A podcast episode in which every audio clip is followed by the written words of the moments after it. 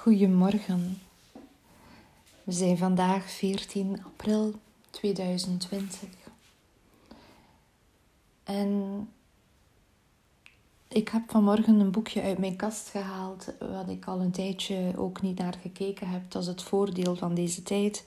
Dat we ook tijd hebben voor de dingen waar we anders geen tijd voor hebben. Het is een heel mooi boekje. Ik heb het een tweetal jaar geleden gekregen van, een, uh, van iemand die bij mij yogales volgt.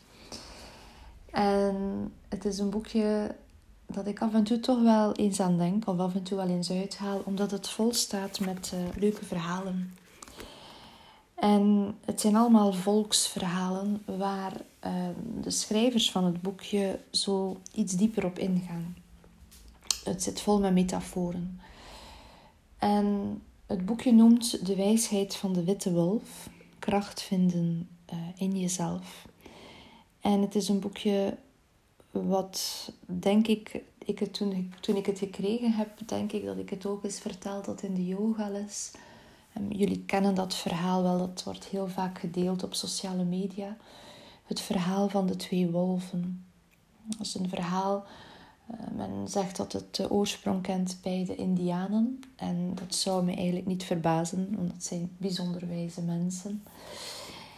En het gaat eigenlijk over dat in het hart van elke mens twee wolven leven. En het is eigenlijk een, het verhaal is zo dat er een grootvader en een kleinzoon um, bij elkaar zitten. En de grootvader die vertelt dat aan zijn kleinzoon. Hij zegt, in elke mens leven twee wolven. En de ene wolf is wijs en zacht en aardig en heel liefdevol, vol mededogen. En er is een andere wolf en die zit vol onrust en die, zit angst, die is angstig en die is heel erg woedend en de kleinzoon die vraagt aan zijn grootvader: Maar als die twee wolven vechten met elkaar, welke wolf zal winnen? En de grootvader antwoordt daarop: De wolf die jij voedt. En dat klopt.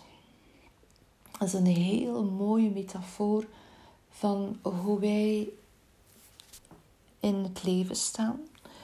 Ehm, en ik denk nu, de reden waarom ik dat boekje ook uitgehaald heb, is omdat dat nu heel erg voelbaar is. En we zien dat ook op, um, op sociale media.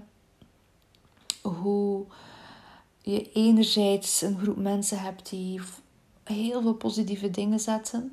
Uh, heel veel leuke dingen delen, creatieve dingen delen. En dan heb je ook natuurlijk mensen die heel wat in de negativiteit gaan. En um, soms een beetje wanhopig zelfs zijn. Hè? Dus uh, ja, ik ken een paar mensen persoonlijk uh, waarvan ik weet dat zij nu in deze tijd ook heel alleen uh, leven. Dus, um, en dan zie ik van die mensen ook heel mooie dingen passeren. Dan denk ik, ja, die voedende witte wolf. Maar er zijn ook mensen die de zwarte wolf aan het voeden zijn. En in dat boekje staat er nog zo'n verhaal dat ik vandaag met jullie wil delen en daar misschien ook een oefening wil bij geven. Een oefening die trouwens ook uit het boekje komt. Het is een heel leuk verhaal. Um, en het gaat eigenlijk over het. Um, het verhaal heeft als titel De koppige tuinierster. En het gaat eigenlijk over een vrouw, een oude vrouw met een huis. En um, een deel van het huis die staat in de zon. En aan dat deel van het huis, daar heeft zij bloemen geplant, een hele mooie bloemenperken. En dan heb je een deel van het huis dat niet in de zon staat en daar groeit er onkruid. Nu, het opmerkzame daar is dat op de plek waar de zon schijnt en de bloemen eigenlijk uh, bloeien, bloeien de bloemen helemaal niet. En ze zijn zelfs verwelkt. En de plek waar het onkruid groeit en de zon niet schijnt, daar is het onkruid overwoekerend. En er een van haar buurmannen die zegt: Ik kan dat niet meer aanzien, ik wil weten hoe dat komt. En hij gaat naar die buurvrouw, naar die oude buurvrouw. En je vraagt aan haar van hoe komt dat toch dat die ene kant zo overwoekerd is met onkruid en de andere kant met dat de bloemen daar niet bloeien. Nochtans krijgen ze veel zon. En dat oud vrouwtje die kijkt zo wat triestig naar haar buurman. Ze zegt, ja, je hebt gelijk, zegt ze. Ik, uh, elke dag, zegt ze, geef ik alles water. Of vul ik twee emmers met water, zo is het. En uh, met die twee emmers water ga ik eerst naar achteren, waar het onkruid groeit. En daar geef ik het onkruidwater. Maar dan, zegt ze, ben ik zo moe, dan heb ik eigenlijk geen zin meer om naar voren te gaan en de bloemen water te geven. Begrijpen jullie de clue van dit verhaal? Hm? Zoals bij die twee witte wolven. Die vrouw voedt het onkruid in haar leven en ze voedt niet de bloemen in haar leven. En een twee, drietal weken geleden, denk ik, was het uh, schrijfster Elizabeth Gilbert, die uh, op sociale media, veel mensen kennen haar van haar boek uh, Eat, Pray, Love. Um, en zij gaf een oefening die eigenlijk ook in dit boekje staat bij dit verhaal. Dus ik vind het wel grappig dat ik het nu ook teruglees. Maar het, de oefening is eigenlijk een heel mooie oefening omdat het eigenlijk onmiddellijk helpt om je horizon te verbreden, om anders te gaan denken, om anders naar de dingen te gaan kijken.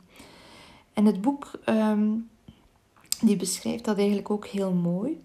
Het is een turbo-oefening, noemen ze het, voor meer aandacht. Je blik wordt ruimer en de lichtstraal van je bewustzijn verandert van een zaklamp in een grote schijnwerper.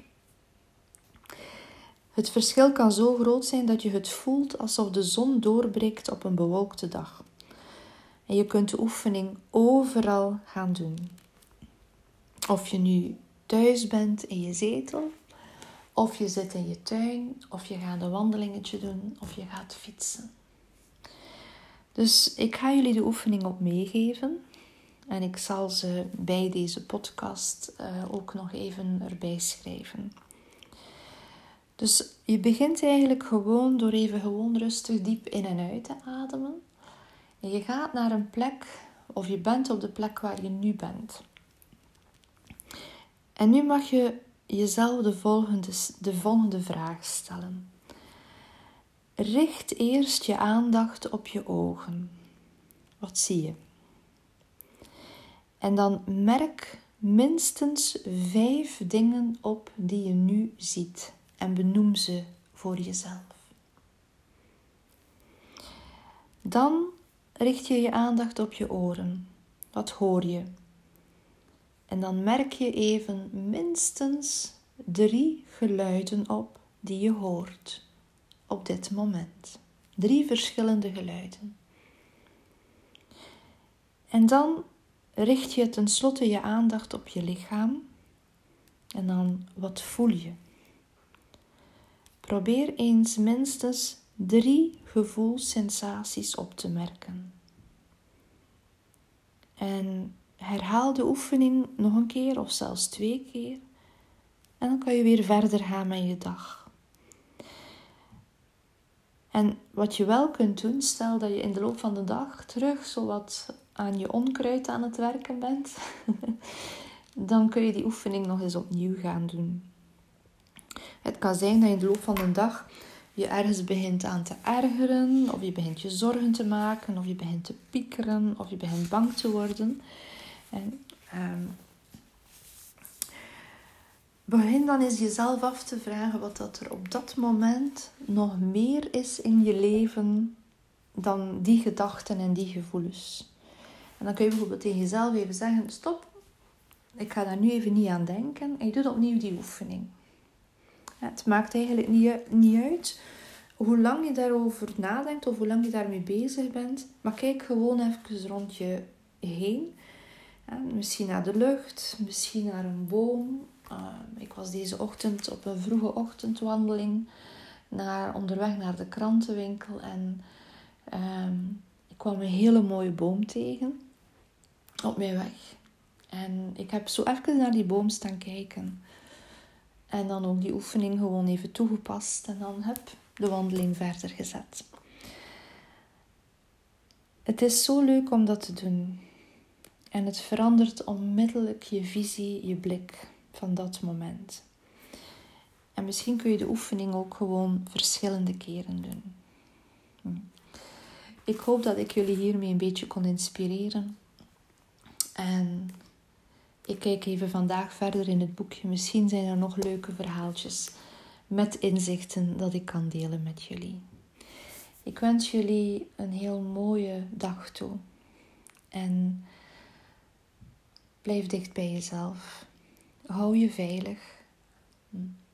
En ik hoop dat we elkaar heel gauw in het echt ook terugzien.